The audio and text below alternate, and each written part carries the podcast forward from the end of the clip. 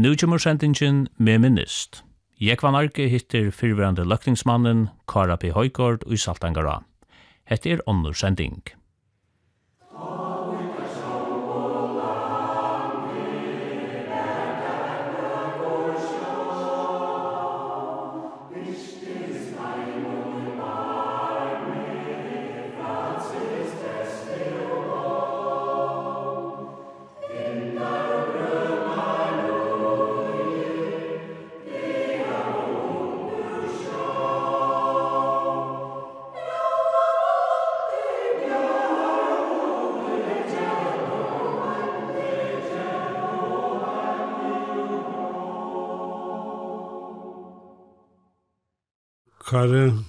to hei råd ut i Grønlandet et sommar, så helst du frem av sjånen. Ja, da jeg kom hjemme til etter, så får jeg nesten bøgnløys ombord av Aslivor. Aslivor Høygaard var en løgnebater til DP Høygaard. Sigmund Sistnabaten, han var vi her røysene, og her var flere æremannsvis som vi kjente. Petrius var kipare, og det var mest utrøver rundt førjen, var omkring tur i Oslandet. Alla veteren ta og innutjutrush røyes ut med hans livet. Det var så at Sindre Ørvesen lov, men rongda vel. Vi rongda mest rundt fyrjar og fiskarui var hampelet, men uh, ta i ui det så loj med det vare, så var det så løy at oknen hon har prøva forskjellige drifter, hon har rundt etter hemmara. så hadde jeg lagt om til Rækjevøy. Jeg fikk så møvlagan å slappa vi oknen i Rækjevøy. Det var en spilte noe ikke drift. Vestur var i havn, var den første som byrja i, og han var faktisk akkurat byrja i. Jeg var ikke man i just nekran til gjort av vi først det, Så det var faktisk pionerende i Rækjevåje. Føringar ta, og vi får så ivor og grøyna vi høyte var ekvillig primitivar imot til det som søytene blei, bei trål og coachgrøyer og fristing og sånne. Det var alt av bryna støye, men uh, sorteringsmaskinen kjøpte vi til Grønlandet og fikk også en trål der ivre. Bryr så fiskaroi. Fiskaroi var faktisk smalet. Vi var åhøpner også når vi fikk en spel trobløyga, så vi lå i fløyre viker og i Føringahavn og boja vet du Døylund til spjallet.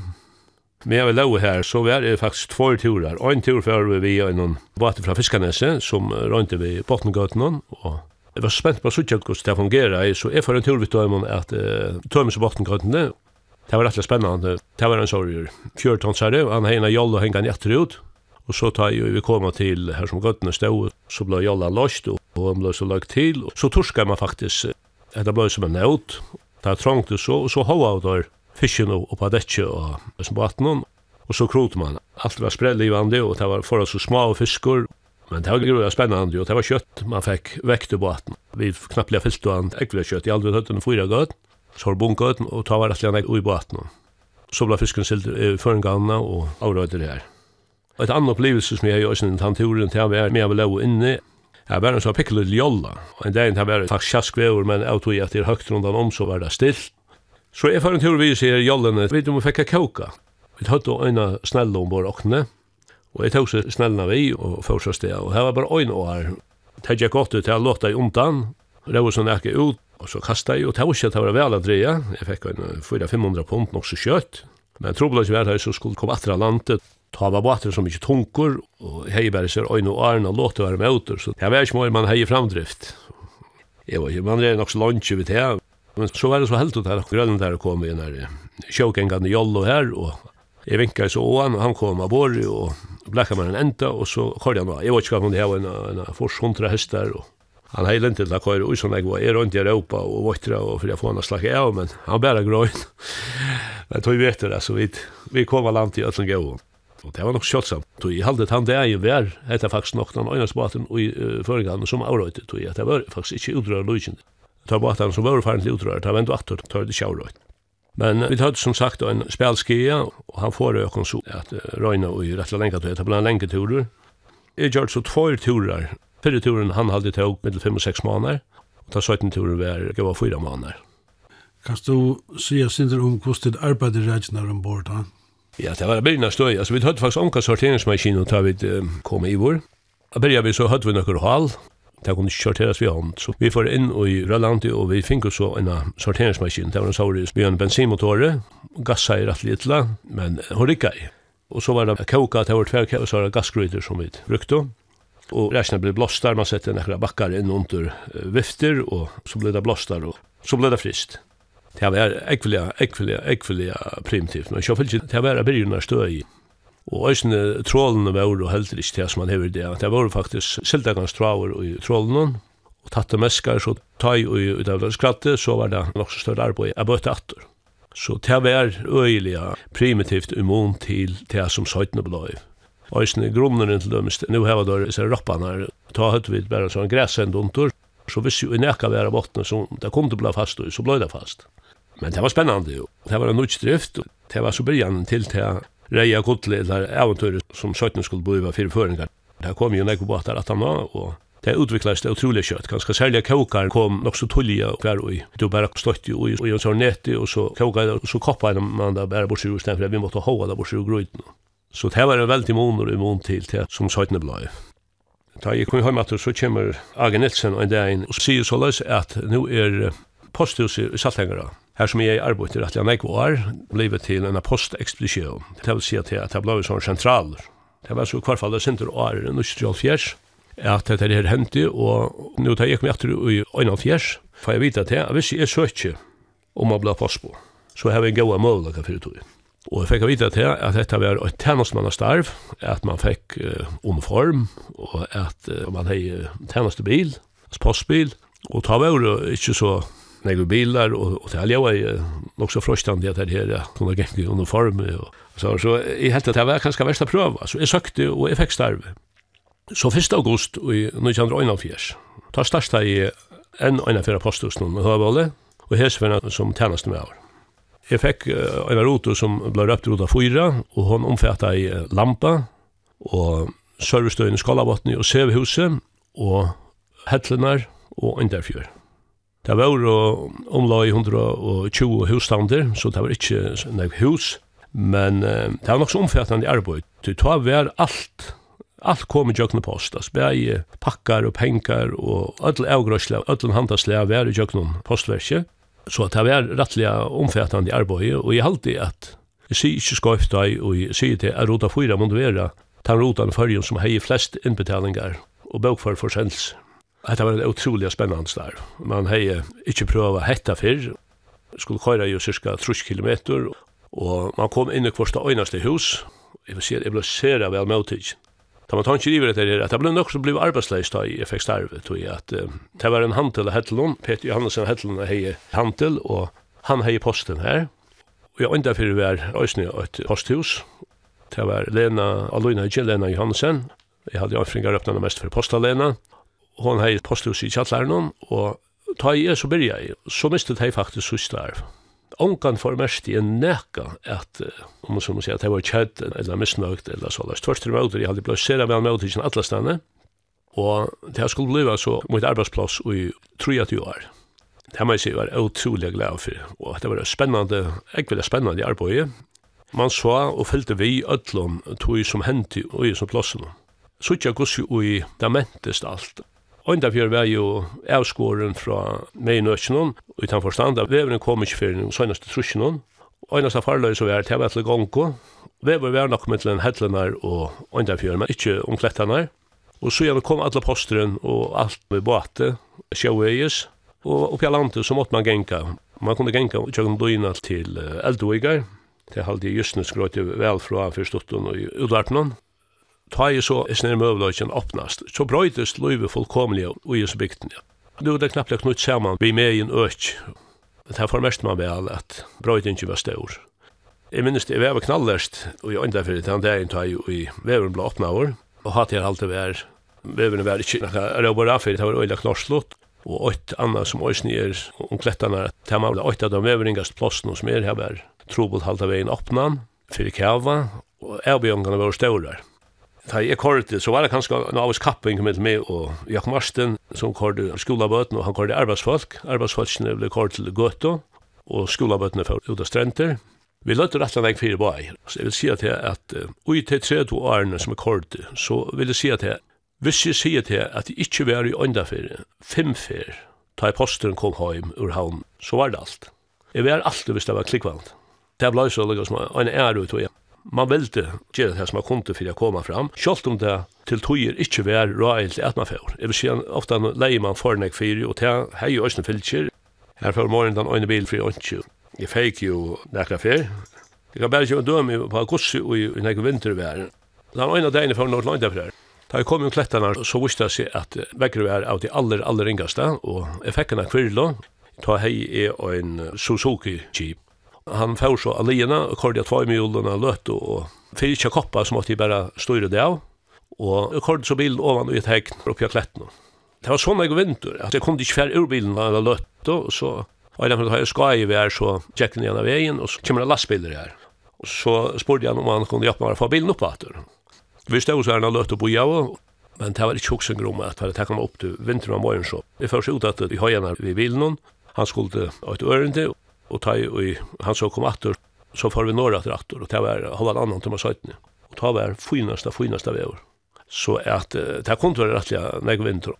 Og en bil ble tidsin leiser luft av en, vi en er høyler familie ui, og setter lengte man i bøyen. Han fikk ångan skia, den skia som han fikk var, han ble tidsin opp attor, attor, ta fikk han nok, omkring små skrammer. Så det kan være nok så arbeid at køyre og slå i groten. Det kan være, så måtte man ha samband vi gravmaskinen, Jeg har en storn i bilen. Jeg har så samband vi landsverk, eller tar som grå, og det skulle røya, det har løyt en ekk fire, for jeg halte veien oppna. Og kjøttsak var det her. Spennende, klarer man det, eller klarer man det ikke. Men omgang til gist i her norre, jeg minnes øyne ferien at det var så særlig rinker kava det var, det var vevren stangtur, og gravmaskinen stod så og av veien. Så kom jeg her, så sier han, nei, du slipper ikke norre til at vevren stangtur. Jeg sier, det var rævlig kjel til at uh, han kom anklare medisin. Medisin var kommet, og jeg helst at han var nøytter til å få dem år. Så sier han, ok, så tar jeg en enda av bilen. Hvis du vil henge atter ut, så skal du sløypa den år. Men jeg greier vi ikke så løs at det kan han. det er bare så løs at du slipper når ved bilen. Tog at nere i vikten var ikke sånn jeg kjell. Som sagt så gjørst. Jeg fikk en enda fra honom. Han sløypa meg så inntil kom røylig om han om klettene her. Ta var ikke sånn jeg kjell, og så kjell jeg til hetsene her. Gjekta sørste og så til andre fyrir. Men så finnes nu er man her når, og vi er man sperra av. Men hentan dagen ble grint og funnes fyrir. Og ut av kvalitet så ble det et avvist trusht om at mamma fra åpna veien tog at grint er funnes fyrir, og, og mennene måtte slippe jøkken, da måtte slippe grint. Det ble så frakt at vi slopp på, på jøkken.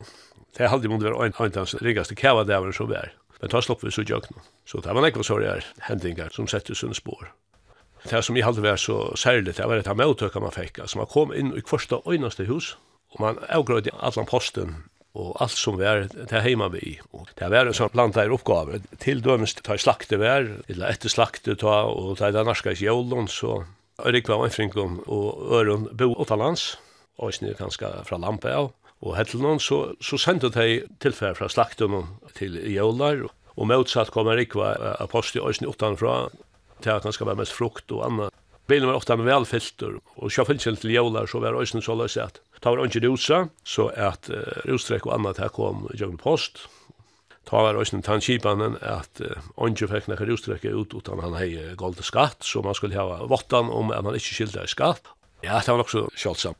Man fører sted at det knuste ofte når jeg var i etter for å ta i sier kvidekassan, vi var fløyre av i bilen. Det ble så alt, det er avgrøtt, jøgn postverk. Og jeg halte folk var glad for det her kipanene. Og jeg halte at kjolt om de fleste kanskje hadde hoksa seg at her posthusene var i nærumkvarven, at her hei sunna skjerm og tog at der posteren kom, så stod det utenfor kivene med en posten ble sorteret over, og, og om det er åtte brøv, eller eller hvis det vant av seg post eller pakka, og hvert sånn. Han i døllere var så borstående utøy, i det ble ruttlandet posthusene. Men jeg halte at det var veltånd. Jeg følte meg i hvert fall øyelig vel møttekna alle stedene. Jeg halte ikke jeg hadde haft nekran øyn mer vitande allt det länga tog jag skoj och jag kommer gänga tog jag som sagt sammanhängande i tre år. Enda rotan chatar blev hon utbyggd ett runt. Det var således att uh, vi rekli ju mittelbilen. Så blev rotan kontrollerad.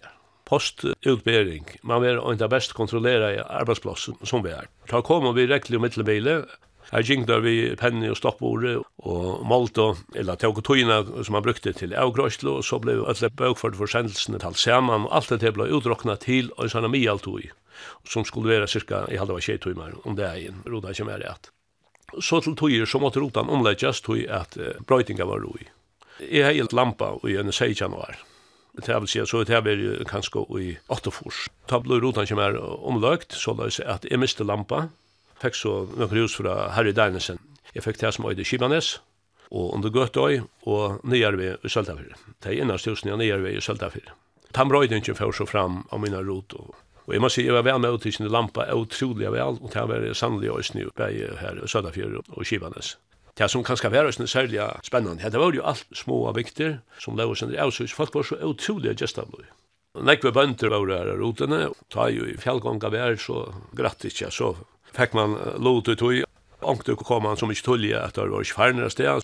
Så kom han til Borsa av Tøymon. Och om det så var færnere, så stod allt av våren och så att man fick vita.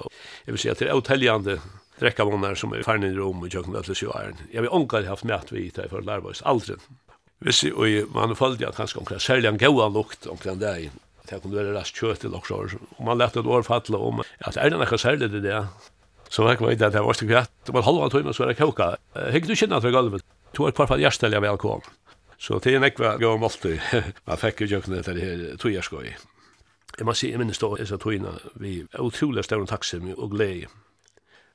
Tøyen gonger, og en dag så er vi på og jeg kom til Hedlenar, vi er i første husen i Hedlenar, Da jeg finner en såkalt færtelefon i bilen og måtte nesten hava var slå i bilen det var så større tror jag att det var inte där som vi kände det Og henne heien har finnet finns ju tog att så har folk möjliga fyra hvis man inte kommer in så kunde det inte och og se fra så där att man kommer in i golvet vi kör inte post över nu har jeg till att få ringer, og och så jeg om man bilen Det var pappen som ringte och sier till att Hortur er ringt och til till att i det verur landstorskunnan til kjostflasken og frakord til den där man nästa på och som Peter tycker vi och så kommer tona ting Jeg var jo være med å tja, som Peter Grund, da hadde vi tjei veldømmer.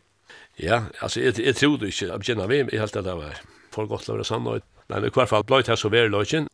Den etter så ble vi tenkt med over. Jeg halte var 22. februar i 2008. Da vi um, avsettingen at uh, tog hun hava holdt allmenn starv så inne. Så jeg hugsa meg sjolvun at uh, skal jeg så være post på halva tog og løkningsmæver halva tog. Det var ikke fylselig sin riskabelt for å gjevast som postbo for det tog om man kom inn som eika med over tog. Man visste ikke hvordan det for å hørna seg ut. Etter var kanskje også søtta parten i skoinen, vel og vær ut vei, hvis jeg minnes rett. Så jeg prøver jeg å begynne vi at uh, genga poste og være løkningsen. Jeg fann det alltid, jeg tykker ikke at jeg gikk morgen og inn til två måneder. Men her var tvei størv, det var slett stil. I hvert fall ikke hvis du var postbo. Jeg kunne kvart ikke være bekjentur vidt jeg i firmoen avløsere, i firmoen konton, arbeidsplosset, det er bare slett til. Det mangla jeg nekker fa ideer i 30 år. Så spurte jeg apostelsen og hvordan jeg jeg mangla jeg til i 30 års jubileum. Og fikk så vite at jeg, at jeg mangla og så snakke ideer, og det vil si at hvis jeg, jeg begynte i halda var fra 1. juni, eller var søgnast mai måned 1. juni, og så gikk til Aulasøk, så hei jeg finnes jeg fotlat ui. Og det gjør det jo så. Ta jeg så tjekka nere søgnaste dagen, så holdt seg på at jeg falt sin av rotene, og tar inn i kvarsta øynast hus, og takka dem for togina, og sier til henne hver i fardøyve, og det var ikke hva framtøyene var jeg vi av, men jeg takka seg for togina. Så var jeg lagt som jeg var fotla tog.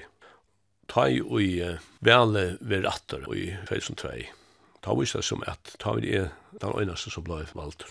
Kjolstrokna hei tvei ombo åren, Helene Dama Nestabø, og meldde seg så urflotjen. Jeg får urflotjen ta utmøte jævlen i 8, og Sam Peter ble kjattvalgt, og jeg ble valgt. Så ble jeg fast ting med år. Faktisk lykka fra tog at jeg kom i tinget, så ble jeg lagloter her at jeg kom i utenrøy. Og i utenrøy var jeg første turen i Nok, Grønlandet, og til vi var i september måned. Ta var årsfondren tja Rai, han er tre kvart år uten røye er et samstarv i middelen Grønland, Osland og Farger. Seks parlamentarikere og hver lande er faste limer, og så har vi skrivere vi i Øysene, og for delegasjon hever som formann, og formaveren han ble så fortsette tre kvartar. Og ta ganger på rotasjon, åtte år agentjen. Nå er vi det stater i Nokke, Grønlandet, og Årsfondren er, og Jekvantorus Vestmann, han var formar i førsk og nevntene, og skulle bliva formøver. Ja. Så tar jeg og vi møtast, så sier jeg at Kare, nu var du nødgjør og nevnt, jeg hadde det rett at to skyter Evan Doris opp som formann. Jeg sier at det var alltid det, og så finnes ikke de en oppgave, man hadde kanskje syntes med egen, man vil gjøre det så godt som jeg behøver gjøre det, så ble vi funtren. og han som er Kjolmar Åtnason, en han var formøver, så sier han ja, og så er det den feriske delegasjonen, Ja, og så røste jeg meg opp, ja. Jeg skal på den feriske delegasjonsveine skyte Egvandoros opp. og han får selvfølgelig ikke det smøylast, og det var kanskje ikke akkurat man skulle sagt det på, men, men, men vi mer merker ikke hånden var, det var godt, du ikke skudd han ned, sier han. så la oss vilja i min karriere og i utenran. Det har var selvfølgelig litt 2008, alle minnast til hva hendte i USA i 2008, at overgangen hendte i Twin Tower, Og vi bo av hotell hans eget det. Og morgen da vi kom nyer, stender den jentan som satt i resepsjonen, stender inn i den sjønavskjermen og sier til at her akkurat hent i USA. Det er ikke om det er science fiction, eller at det er verløy. Det var ikke så at det flåfari her renten og i et tårne, og det brent. Vi stod så hukt der han løtt, og så helt vi nøyna, vi må fara ovan trappont.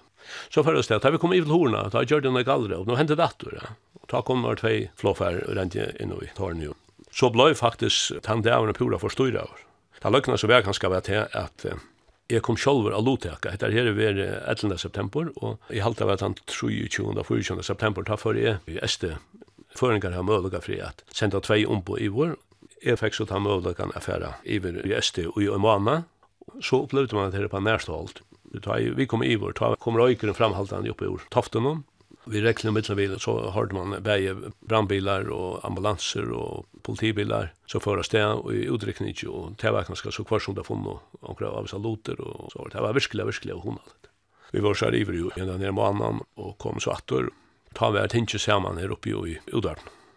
Det var åt ganska som jag var så särskilt nervös för först var kom in. Det var det här att det visste at Marius Rein var tekniker i Tinsinon, och jag visste att allt blev tidsi på band. Jeg kan vite at dette ble gomt, om ikke til er at tog, men dette her blir så gomt. Og tog ikke, man må ikke si noe skøyft. Og jeg var så forferdelig nervøs for at kom av dumme, jeg sier også, man ikke skulle det ha sagt. Fyrsta talan jeg skulle halda, det var akkurat om etter her, at akkurat postet skulle nileggjast, man skulle få landpost på i stedet fyr. Og jeg fyrrøyga meg vel, her, her var man av høymavødle, at her måtte man være klar. Jeg skriver meg sånn at talen i, og jeg halde sjolver at det var en god talen. Det er ikke funnet i hvert fall. Det er ikke godt lyk inntil i livet. Så er det snart bødløkken til å tenke man å sette spurningar vi til som han har sagt. Og så røyser Henrik Alsi opp, og til tekne om han har en av vimerskjeng om etter her at nå er han hårst til alle, men han var ikke for å samtale i røren om at Det var så godt vis nere nilekkjende i posthusen som var ordet tog her som han kom fra. Her høyde posthus og det fungerer i vel. Han ville gjerne hava at uh, røren grunda er bedre kvart og i fire måneder var jeg var ui dyra snett. Dette er jeg slett ikke vant, altså. Jeg visste ikke mine livande da. Jeg kom så, så, så jeg sier det her som jeg kanskje ikke skulle ha sagt, det her, at, og det som jeg måtte være, at man kunne avra i alt. Jeg kommer å si det her, at uh, postboi kommer inn, og to fast avgra til post, og allan annan tørv av køksborene. Og alt for å grøyna, altså tenke for alt av grøyna, og jeg skilte ikke på, jeg, jeg er ikke av service. Og verre beløy, va? Og jeg halde til øyneste ferie i hvert fall, og munnar tog at, vi at, alt at, opp. Og det gikk en, en rettelig lenge løte. Edmund sier til tellerstånden, ta jeg var ikke til å stekke alt opp, og så en av henne kommer Finnbo Jusaksson. Atter til, så sier han til at de halvdige mennene kommer i vikeskiftet så yre. Jeg hadde vi færre et kvø.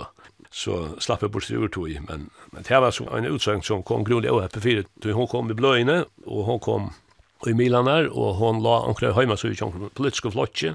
Så jeg har hørt for det faktisk så igjen. Det var min första röva. Och att han att hemma i jeg var i öjliga världen vi att tekket års. Det som gjorde faktiskt att man klarer när ganska sin rattor slappade sin rävatter. Det var det att man kom till USA att han var 11 september och att man så kom hem att rattor och så att man är i livet här och så fick man kanske ta så alle dattor og i aldrig att så jag tv så hade det inte varit jag kan tro på det vi hadde det år. jag blev så fast det med mig i 2002 Valtor det var gråst tre, jeg var ansamma til ting med vår, det krever nok sånn egt, og man skal fyrrøyga seg. Man er ansamma til fram som jeg var i ødlom og allon, og skal fyrrøyga seg vel, Du, man skulle jo ta gård i kvar de øynasta mål. Ta i dår ansamadler, så er jo en vant i tui at uh, folk høyre til at du ikke vil lysi på. Da skal jeg avgrøy kanskje en tjei åtta tingmal, som er kanskje var rettelig tung, du skal ta gård. jeg setter alltid en ære, og jeg har brukt i alla teltuina. Så ta i skal ta så, og i 20 minutter, og du ikke er 100% sikker i kanskje akkurat hva det alt innebærer. så krever det faktisk som man at man skal få se tøyna genka utan at nekkar høyre kanskje at du ikke er fullt inn i ut. og til kanskje også en annan trobeløys det er at og i lekten til fart året etter støtt og kjøtsflokken hever vært den satte største og kjente største flokken og i lekten til den ekva min er tog, så at man fikk året søgnest og ta vore faktisk alla fjärarna pilkajer som man kunde sagt öll guldkottne som kunde sägas om alla vore sagt så ofta så kanske blöda hofarsliga kanske man tog samman om och kanske pratade sen du så inne så länge som man slapp inte man fick en avtal om kvart alla drejer sig om men du vet det var inte ofta man fick det avtal Vi var så i samgång fra 2 til 4, og en eldre var landstyrsmauer. Hette her skajen, da satt vi oljemalen. Ja, vi såg det i oljemalen. Onker har sagt at det var nok det eneste landet i, i heimen som er en oljeminister og olje. Men hinvegen så halde jeg til at uh, nettopp uh, til arbeid som ble gjørst av Roanon og av landstorsmannen der litt. Det var jo en fyrrøyking, oljelåg av og kvart av søgnen, og jeg hadde vært utrolig donalig folk som sa ut i Roanon. Altså, embatsfolkene var sere, sere donalig, og jeg hadde jo også at en etter klarer seg vel som landstorsmannen, og at det forarbeid som ble gjørst, det var firmynderligt. Så at uh, det kjølt om vi ikke funnet oljene og til rai, det at borster, så vil jeg si at det var nøyot, og i en oppbygginga fase. Vi har jo haft kvart tjejbåringar, og her til har vi ikke funnet olje rakstra verden og nøgtum, men allikevel så er nok sånn ekvar aktivitet og er i samband vi oljevinnene. Hun har også sett sånne spår av land i samband vi at det drippa av avast og stånar og råa kanskje som har finnst futsing til imisk ting, så at jeg aldri at TV er rett store aktiviteter, og særlig er inni skalafjørene som blei utgjerrar havnen hevde det vært positivt. Ja, nu snakkar öll om det skal være grønt. Men tar möjligheterna som er och alltid at vi da er gagnöjda. Nu löjtar man om man har funnet olje og tatt vi förska marsch og det er nok bare en spårningar om to inn der, og vi finner en hesmen. Vi har alltid viskar öjla då hvis vi inte gagnöjda de möjligheterna som er och tog är att vi skiftar inte ivor fra olje til värande orsko og på så stort at tog. vi tar teker og en tog, vi och i halvtid vi då är vi og i hesar i Du nevnte Udnorre og du var eisen i Norrlander. Det var således at uh, vi så søgde samgång fra 2 til 4. Fra 4 til 8 var i velbølse vi samgångene, men var ikke parter av samgångene. Og jeg halte at da er det fikk jeg ser godt nevnt arbeid. Jeg satt fortsatt nevntene, og, og jeg satt som formar landstorsmannen nevntene. Jeg var i Utenranen, og jeg var i Norrlanderan. Det er den stravneste togjen jeg har haft i løgtingene. Men utrolig spennende togjen i samband med Norrlanderøy, så var det således at jeg ble pastor av natur- og miljøbalsjen. Med den andre så var vi en tur i Russland. Jeg flei til Kjeppmannhavner, Oslo, og så opp til Kirkenes. Så just til Kirkenes var en natt, og så før vi ved buss, så kord vi faktisk jøkken alle kåla hovedna. Vi var oppe i Murmansk, vi var i Apatit i Nikkel, og så kord vi jøkken en rikva av Ørenbojen. Her fikk man oppleva sera vekkors landslag, sera fitt folk, men jeg synes ikke gussi i dolkingen, ta er man fyrer litt av lest, bruka natturna gussi i, man kan og leitja. Ta vi kom i vår, så fink vi faktisk en tøyme og æren løyve, ja, vi slipper å sutja det som vi tar bi om. Her høyte vi med anna bi om å slipper sutja kjadnorskverk, og vi tar bi om å slipper om man til Andreva-buktene her som da går med kjadnorske bortekast, Vi var nere i Murmansk, eller anker Sotjen Kjavator vi kai, og hev det i nok rettelig lenge tog, og øyne stakk tårn og puntan, øyne stakk bæra, lukka fram enden og puntan. Her la hitt kjipe som skulle søtjast øyne finna. Ungkvarsfellesskapene Bellona gjør det så et antak om å stekka du i. Det var nokre barnsjavn der skulle søtjast, og det ble så sløy på atet til lands. Det var en gammalt jatnskip, og det var fyllt vi tjattnorske bortekast. Da hadde det bara stoppt runt om. och så begynte jag leka ut, och så blev det mer på tank helt ned i år. Spørningen er hvordan landet kan det flaut på tannmaten. Så det var utrolig ondalt av suttja. Men det sa det kostar milliarder hvis det skulle bortebøynast trygt. Det var en politibil kort framfyrir, alla veien, Og vi får så om han i Andreva buktene her, her som det har kommet etter Tjatnorsk bortkast ut her. Man sier også, det er så ekvelige miserabelt ut ikke tek, og som av sommerhus som ruta var brottner, konteinerer som innehildt etter her evne tar var rosteier, hål. Nei, jeg vet ikke, jeg halde ikke at det var særlig innbjøvande. Det har hatt så geigert helgere som vi ble kannar vi tar for Åman, og sånn det kom nye vetter, så vi tar ikke finnes straling, så det er noe ikke bilen. En boi som Nikkel, ta en norska stående, en hundra kilometer fra, så sart du gos jo i, det begynte jeg at uh, sorsna rundan om, Når du komst Møyra saman Arinne, og tar du så komst til bojen, så var alt svart. Altså tröjen var deg, ikke græs, ikke nek, alt var det. Vi kallar det som nian her til det ser daggroper, at ha græva seg ner i hjørna og til åpe. Da man stod oppe i toppen og hukte nir, så var det bilene nesten så frumærkere, så tja, ner i botten, så det er øyla, störst. størst. Og så var vi som gikk rundt alla veien opp, og her tekka der så han malmen opp, og han var så arbeid. Her var nekker som stod i skorstøyne, og det luktes akkurat de skorstein som sært tjattnorskverken, så ståre rundt der betongskorsteinar, og her kom en så rei grønne røyker på styrer, og det hekk så skutsk nir ivor. Jeg mener at det var svavel, eller hver fall, svavel inni alt, det var det som drep alla vøkster. Mjall alt var ekkert lavere av falskjennom, og her må absolutt være åsomt at liv. Vi vet ikke at nekva steg, var inne aluminiumsversmi, vi fikk masker på, og så var det vi ginko her. Men falskjennom arbeidere hadde ikke, vi får ikke en gang inn. Vi ginko bare fram vi, Men faktisk som var inne, de arbeidde i sånne Armenians versminium. Hun sa annars utlevere hypermoderna, men det var nekker røyker inn. Og vi fikk jo faktisk svære på de spårningene som vi sett då.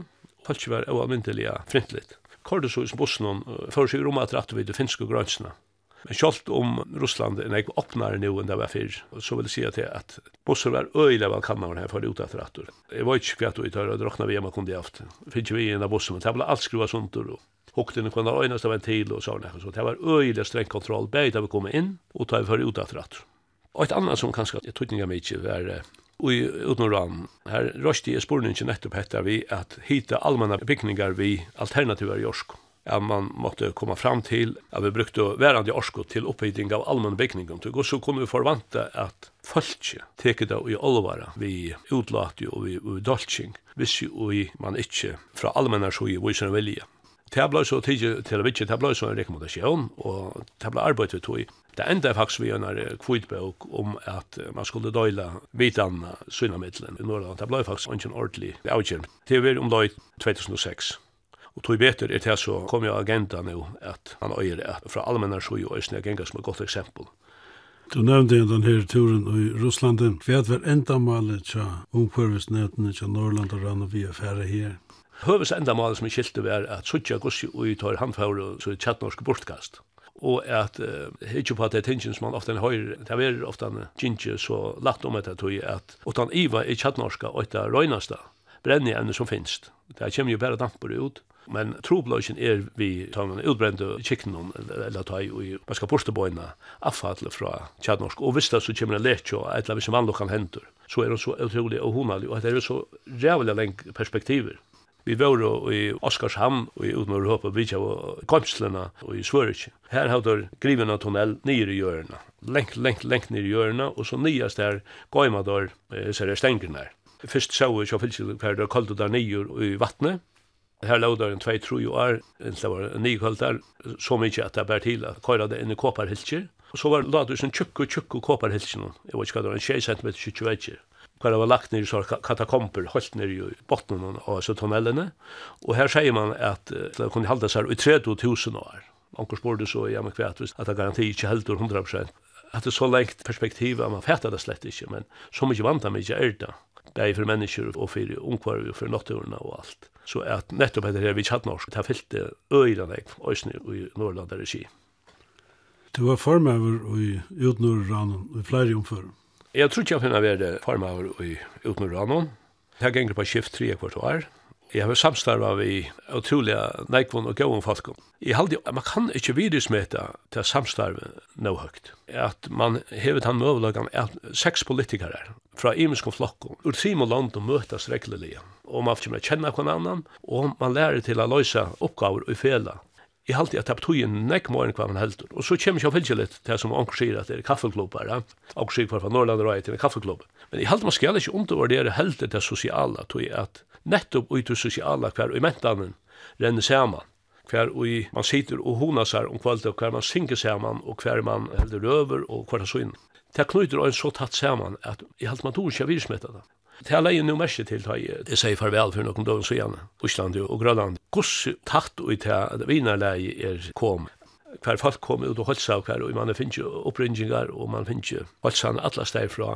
Tog at det er blevet til et vinerleie, og det er blevet et samband som man ikke kan virusmetta nok tror jag fan har vi opplevet det där vidare. Fortsätt och ungefär där där att jag stått här var i Frelsen Edlo, og da ble vi landstursmøver.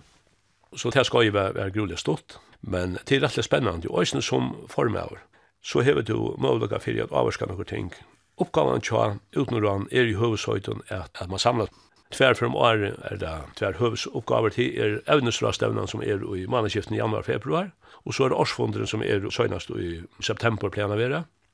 Og årsfonden, ta kommer man vi noen rekommendasjon. Det vil si at hvert land kommer vi hosgåten som man hever til en rekommendasjon. Rekommendasjon kan utvikla seg til å bli til et oppskott, så og en tinsje. Det er faktisk oppskott samtykter om at gjør hettar eller hattar.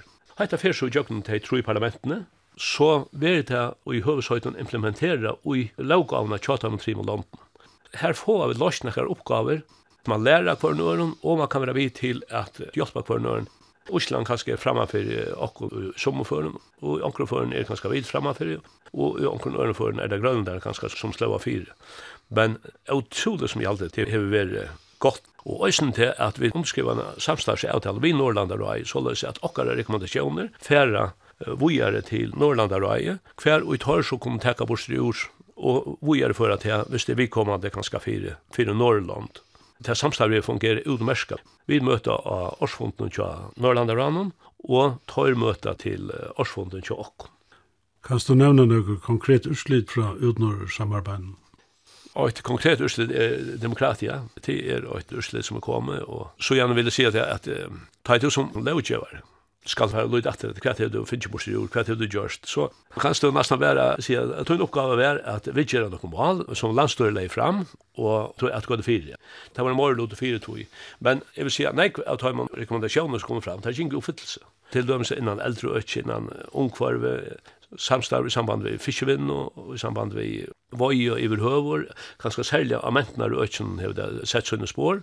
Jo, jeg tror vi at spårene taler så tydelige mål Det som er så glad for oss, til, til dømes og Grønland, kommer jeg kjenne alle disse der kjendast, og gjente kanskje vi Jonathan Motsfeldt, som øyne var farmer i uten Ranen, Tosi, Josef Motsfeldt, og nå sitter Vivian Motsfeldt, og så min gode gamle viner Lars Emil Johansen, som sier farvel for en tvøyme måneder siden til han fyllte i fjers. Alle disse her kjempene i grønlandske politikken kommer å kjenne, og Island er akkurat på samme måte til å vina som er bor. Jeg fikk en så utrolig vekra gave fra Lars Emil nu til jeg var i det søgnaste turen, hva jeg fikk en utspjørna klegg via en utspjørna høtti og utrolig glad for Han kom og sier farvel og takka for togene, og så fikk jeg se gavene fra han.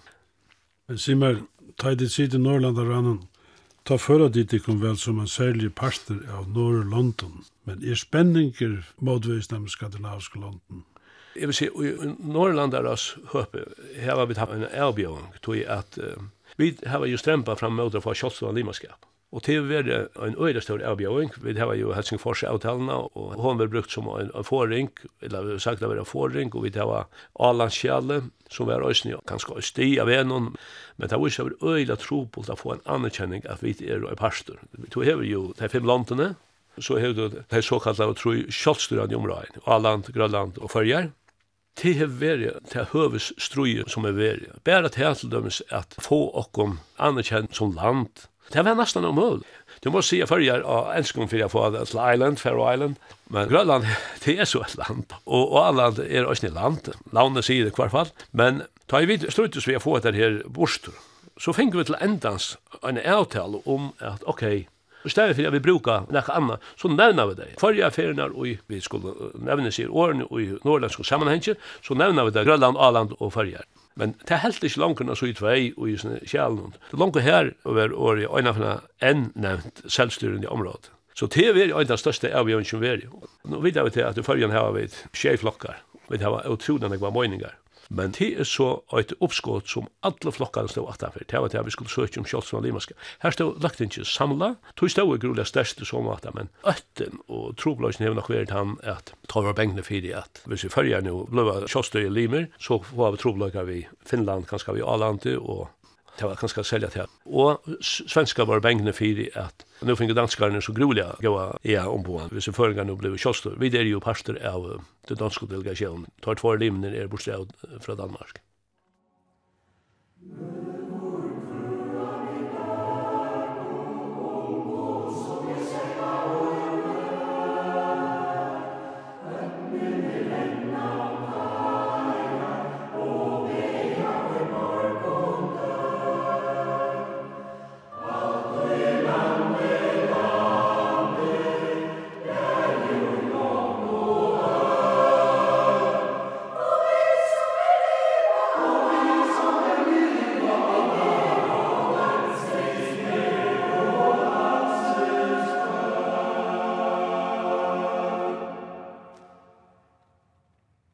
Hatta var onnorsendingin og i med minnist vi Kara P. Høygård og i Saltangara. Jeg kan arke leie til rattes.